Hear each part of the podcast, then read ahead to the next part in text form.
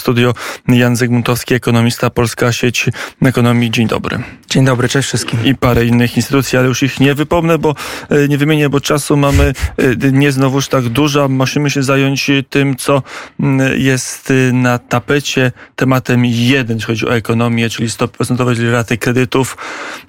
I teraz pytanie, co zrobić ze stopami, bo część polityków, też ekonomistów liberalnych mówi, cały czas trzeba podnosić.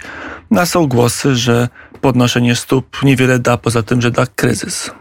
Tak, raczej myślę, że ta ocena druga jest trzeźwa, to znaczy, że mówienie musimy wręcz wywołać kryzys, musimy wywołać recesję, musimy podnosić stopy tak długo, aż zaboli, co pojawia się w przestrzeni publicznej, tak? Myślę tu o nie wiem, byłym ministrze prywatyzacji, Waldemarze Kuczyńskim. Sporo takich głosów, które brzmią nawet, powiedziałbym, lekko religijnie, prawda? Na zasadzie yy, yy, zadłużyliście się, czyli nagrzeszyliście, to teraz pora to yy, spłacić. Waldemar Kuczyński napisał dokładnie tak, że że albo inflacja sama minie, albo trzeba będzie ją zbić, a nie ma innej rady niż poprzez obniżenie poziomu życia.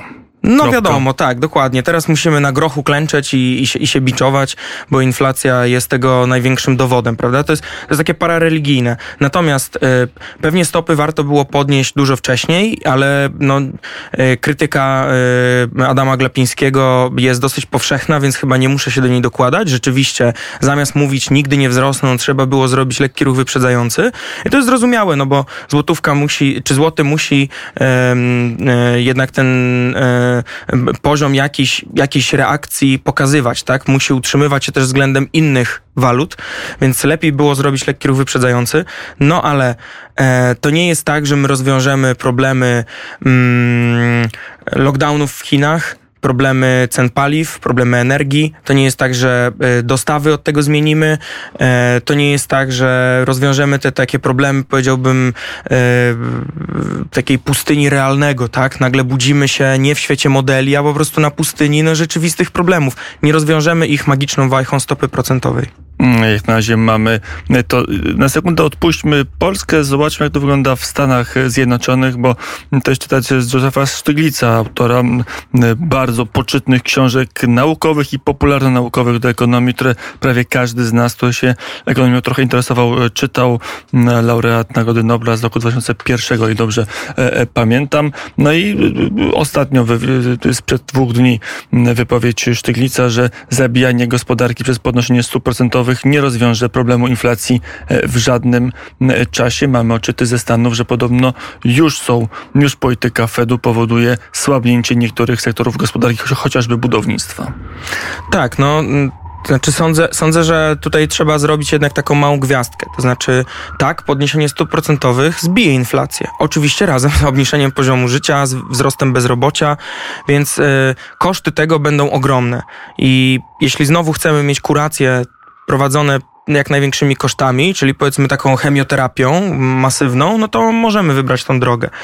Natomiast to, co Stiglitz też mówi, a dosłownie dzień wcześniej w Wyborczej powiedziałem to samo, więc czuję, że przynajmniej tutaj tak, szkoda, że po polsku to napisałem, ale y, no, musimy rozwiązać problemy rzeczywiste, problemy podaży dóbr, tak? Oparliśmy się na przykład naszą energetykę o węgiel i tu i rząd Platformy, i rząd PiSu, i rząd zresztą SLD, czyli można to wszystkim trzem głównym stronom wytknąć, e, no nie zrobili wystarczająco dużo i na czas, żeby przestawić się na odnawialne źródła, na atom, e, zdywersyfikować te dostawy. Mm mamy realne problemy podażowe i musimy na nie odpowiedzieć mądrymi usługami publicznymi, mądrymi inwestycjami po prostu. Ale da się tak zrobić, da się tak zrobić, żeby polityką państwową chociażby zwiększyć podaż żywności, bo to teraz będzie jeden z głównych wektorów, który będzie niósł inflację. E, ceny zbóż, ceny owoców, ceny warzyw, one będą e, rosnąć. Tu państwo ma pole do popisu. Możemy powiedzieć, robimy politykę pro-podażową, będziemy zwiększać podaż pszenicy. To jest do zrobienia? No wiele osób wyobraża to sobie tak, że teraz y, państwowy holding pszenicy musi natychmiast wykupić ogromną działkę, zacząć siać tam pszenicę, prawda? No i to jakby to, i to jest rzeczywiście godne wyśmiania, ale nie o to chodzi. Y, od wielu lat wiemy, że mamy sytuację ogromnej koncentracji monopolistycznej, tak zwany późny kapitalizm, tak? Kapitalizm, który już nie jest sprzedaje ze szczęk na stadionie, tylko y, ogromne korporacje, które kontrolują rynek. No i w przypadku Polski mamy bardzo duże sklepy wielkopowierzchniowe, sieci, mamy hurtowników, którzy narzucają ceny. No jeśli oni rolnikom narzucają jakieś ceny w skupie, e, swoją marżę pobierają, my odczuwamy bardzo wysokie ceny, rolnik niekoniecznie ma zbyt dużą e, no, skłonność wtedy do tego, żeby na przykład automatyzować swoją produkcję. Polska na tle w ogóle świata ma bardzo duży udział e, w sektorze pracy ludzi, którzy są w rolnictwie. To można śmiało cały czas y, znacząco automatyzować. Zauważmy zresztą, że nawet teraz, kiedy jest ta presja inflacyjna, bezrobocie jest bardzo niskie, a więc no, o każdego pracownika trzeba się bić i trzeba automatyzować no wydajność pracy rośnie dramatycznie. Znaczy w, w pierwszym kwartale, to są dane spod data yy, podane dzisiaj, w tym pierwszym kwartale tego roku płace wzrosły ok, o ponad 9%, ale w tym samym czasie wydajność pracy wzrosła o 7%. To znaczy, że nie wcale mamy jakąś spiralę płacową, która ciśnie inflację. Tak naprawdę płace podążają za bardzo dynamiczną wydajnością. Tylko ta wydajność często jest w sektorach, które sobie radzą i mają jak inwestować, tak? Są w IT, są w bankowości, tam jest kapitał na te inwestycje. No w przypadku rolników jest dużo, dużo trudniej, więc tu jest pole i do interwencji typu e, ochrona konkurencji, tak? Polityka antymonopolowa, UOKiK wchodzi, kontroluje, sprawdza marże, sprawdza co się dzieje. E, no ale też na przykład strategiczne programy grantowe, wspieranie rolników w produkcji. Mm, też wróćmy do stóp procentowych. E, politycy i ekonomiści liberalni, można się z nich pośmiać trochę, w, w, w ostatnich miesiącach najpierw apelowali bardzo mocno o podniesienie stóp procentowych od w zasadzie przeszło roku, kiedy te stopy poszły do góry, to zrobił się nagle rwę też, że raty kredytów też poszły do góry i że teraz trzeba ulżyć kredytobiorcom, więc tak jakby nie rozumieli podstawowych prawideł gospodarki. Na no ale jest też zapewnienie z dzisiaj z Davos zresztą e, pana e, prezesa e, Szałamachy, Pawła Szałamachy, obecnie wiceprezesa NBP-u, który mówi tak, będą kolejne podwyżki, że Narodowy Bank Polski będzie stopy procentowe podwyższał. To jest recepta na kryzys? Nie, to nie jest recepta na kryzys, ale to jest pewnie to, co w NBP jakie przekonanie już panuje, to znaczy ten ostrzał medialny, który trwa, ta ogromna presja, że trzeba to zrobić. E, no rozumiem, że mm, kolegów, którzy tam pracują, bardzo e, przekonała, że muszą, tak? I trochę się oglądają Ale na rynku. jest ta presja osobna, ta, ta presja idąca w drugim kierunku są za wysokie raty kredytów. Zróbcie coś z tym, pomóżcie kredytobiorcom. No tak, no to wtedy ktoś myśli, no dobrze, to pomożemy wybiórczo, tak? Punktowo. I to jest swoją drogą e, też ciekawe i powiedzmy pokazuje pewną nieskuteczność. Znaczy z jednej jednej strony e, Rada Polityki Pieniężnej będzie podnosiła dalej stopy, z drugiej strony e, w kanale fiskalnym cały czas będziemy mieli, no na przykład e, minister Soboń i obniżka podatków PIT 12%. No błyskotliwy pomysł, żeby jeszcze ten, te podwyżki nie miały żadnego skutku, czyli no i wychodzi właśnie wtedy kolejna postać i mówi będziemy podnosić dalej.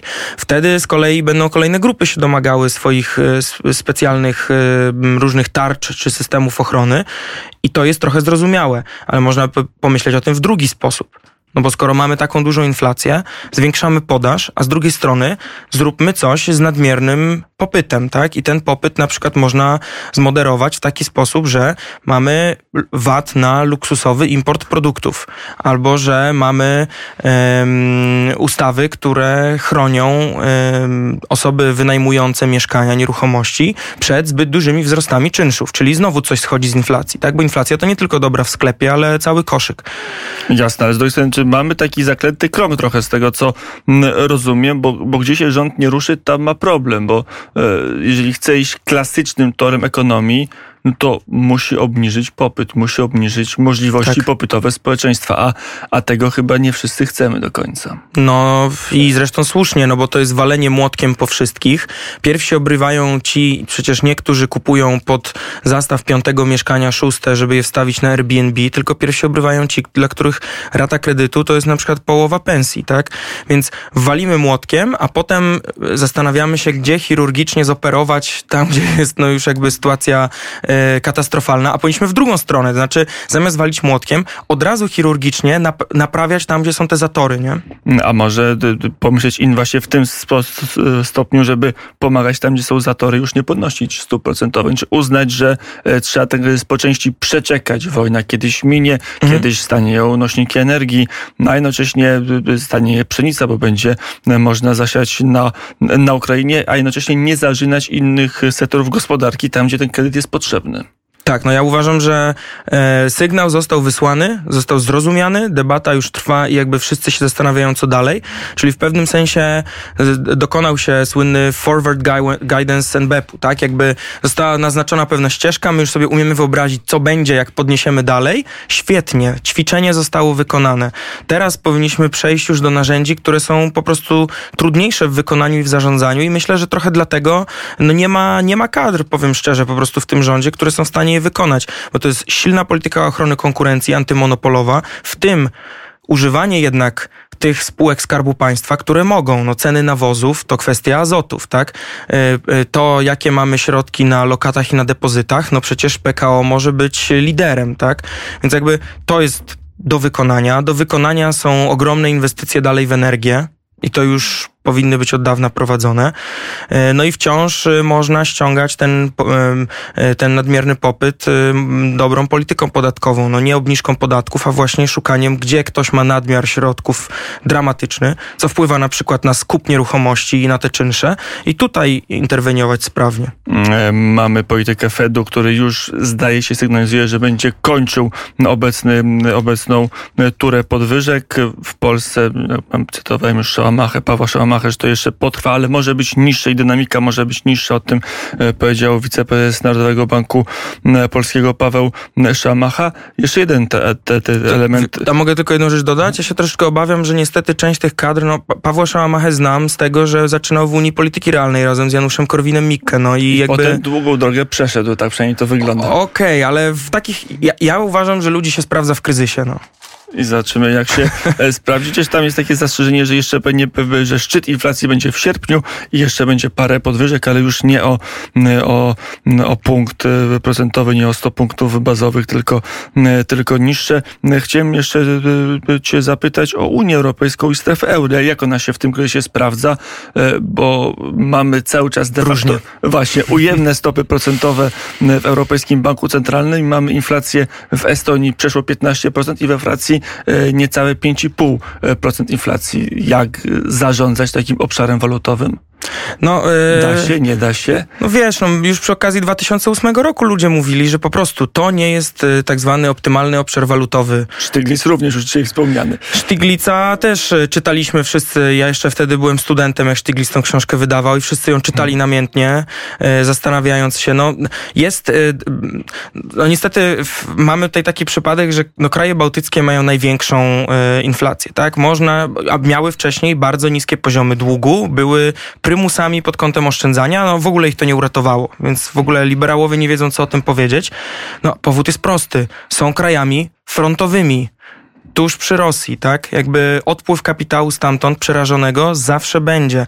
Problemy w dostawach y, surowców, y, y, handel, który był tam przy granicy, no dramatycznie zniknął, tak? Ale też mamy inflację w Holandii na przykład. Tu już nie można tego wytłumaczyć krajem frontowym. Mamy wysoką inflację w Czechach, porównywalną z tą polską. To też nie jest bezpośrednio kraj frontowy. Widać, że ten obszar jakoś się rozjeżdża bardzo mocno, jednocześnie ten tani kredyt pewnie w walce z inflacją w Czechach, Holandii czy, czy w Estonii nie pomaga. Czechy podnosiły bardzo dynamicznie. No. Czy Czechy akurat nie są, są poza... Tak. I, i, I też im to nie pomogło, nie? Więc wydaje mi się, że bottom line jest taki, że... Się. Czechy mają cały czas koronę, to prawda. Już tak, tak, Pragę tak. włącząc w euro niesłusznie, no ale Holandia jak najbardziej jest też przykładem ciekawym.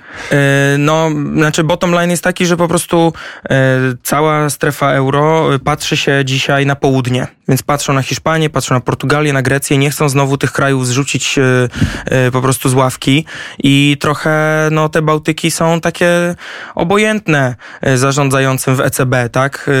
E, e, trochę to jest to, że my jako Słowianie zawsze jesteśmy gdzieś w drugiej lidze. No niestety, te, te, nie jesteśmy tak samo biali, jak oni są biali, ale drugie, że pamiętają doświadczenie po prostu tego e, rozdarcia w Unii i teraz mają e, wszystkie oczy skierowane na południe, w przerażeniu siedzą, czy coś tam się jeszcze wydarzy.